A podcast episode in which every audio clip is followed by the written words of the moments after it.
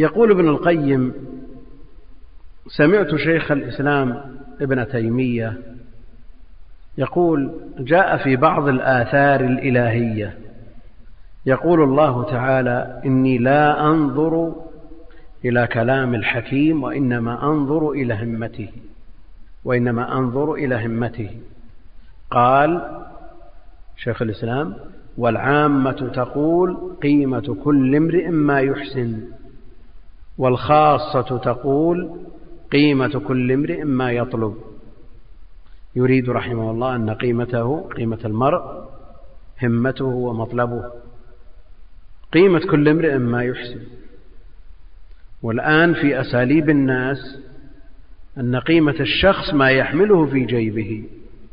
فإن كان غنيا صارت له قيمة إن كان فقيرا لا قيمة له. هذا في عرف الناس لما صارت الحياة الدنيا هدف.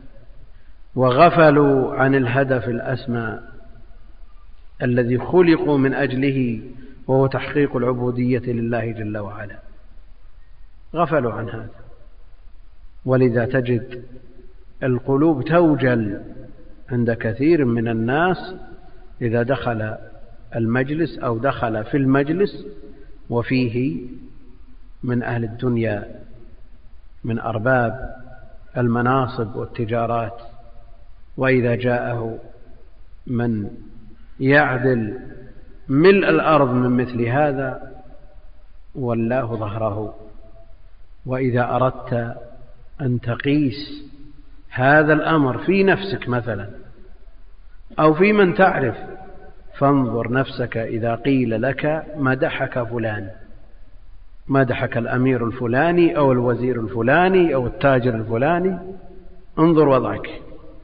أو وضع ذلك الشخص الذي مدح من قبل هذا الكبير من قبل هذا الأمير من قبل هذا الوزير. تجده. لا ينام الليل من الفرح. لكن لو كان الميزان عنده شرعي ما التفت إلى هذا البتة؟ وهو يعرف أن من ذكر الله في نفسه ذكره في نفسه. ومن ذكره في ملأ ذكره في ملأ خير منه. هذا الذي يحتاج إلى أن يطير الإنسان شوقا إلى مثل هذه الأعمال. الذكر